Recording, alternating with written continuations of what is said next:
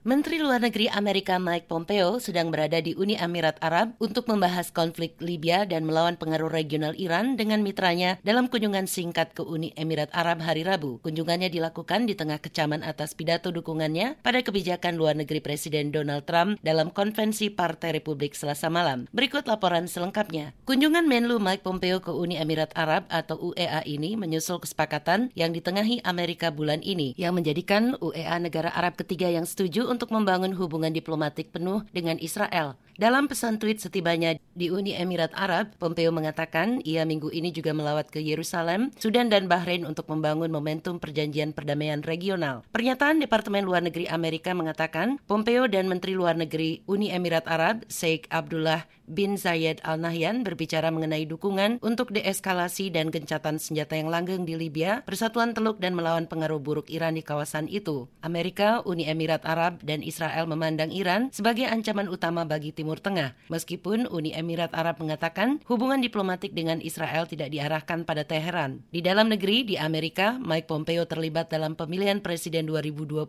hari Selasa dengan memberi pandangannya tentang kebijakan luar negeri pemerintah melalui pidato yang mendukung pemilihan kembali Donald Trump. Dalam Konvensi Nasional Partai Republik atau RNC, Selasa malam, Pompeo berbicara mengenai kekalahan kekhalifahan ISIS, agenda pro-Israel Trump, dan kewaspadaan Presiden untuk melawan agresi predator Partai Komunis Tiongkok. The President exited the U.S. from the disastrous nuclear deal with Iran and squeezed the Ayatollah, Hezbollah, and Hamas.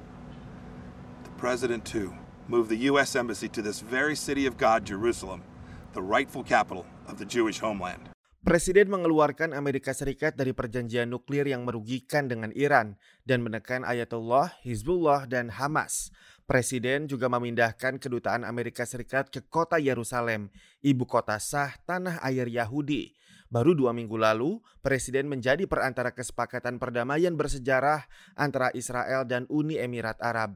Ini adalah kesepakatan yang akan dibaca oleh cucu kita dalam buku sejarah mereka. Topik-topik itu sudah berulang kali disampaikan Pompeo kepada pihak asing dan warga Amerika pada acara yang diselenggarakan lembaga kajian, wawancara media, dan konferensi pers yang jarang dikecam. Dalam surat kepada Wakil Menlu, anggota Kongres Partai Demokrat dari Texas, Joaquin Castro, sebagaimana dilaporkan CNN mengatakan sangat tidak lazim dan belum pernah terjadi sebelumnya, Menlu yang masih menjabat berbicara dalam konvensi partai dan tampaknya merupakan tindakan yang ilegal. Ia mengutip Hatch Act dan pedoman Departemen Luar Negeri. Madioni Isa Ismail, VOA.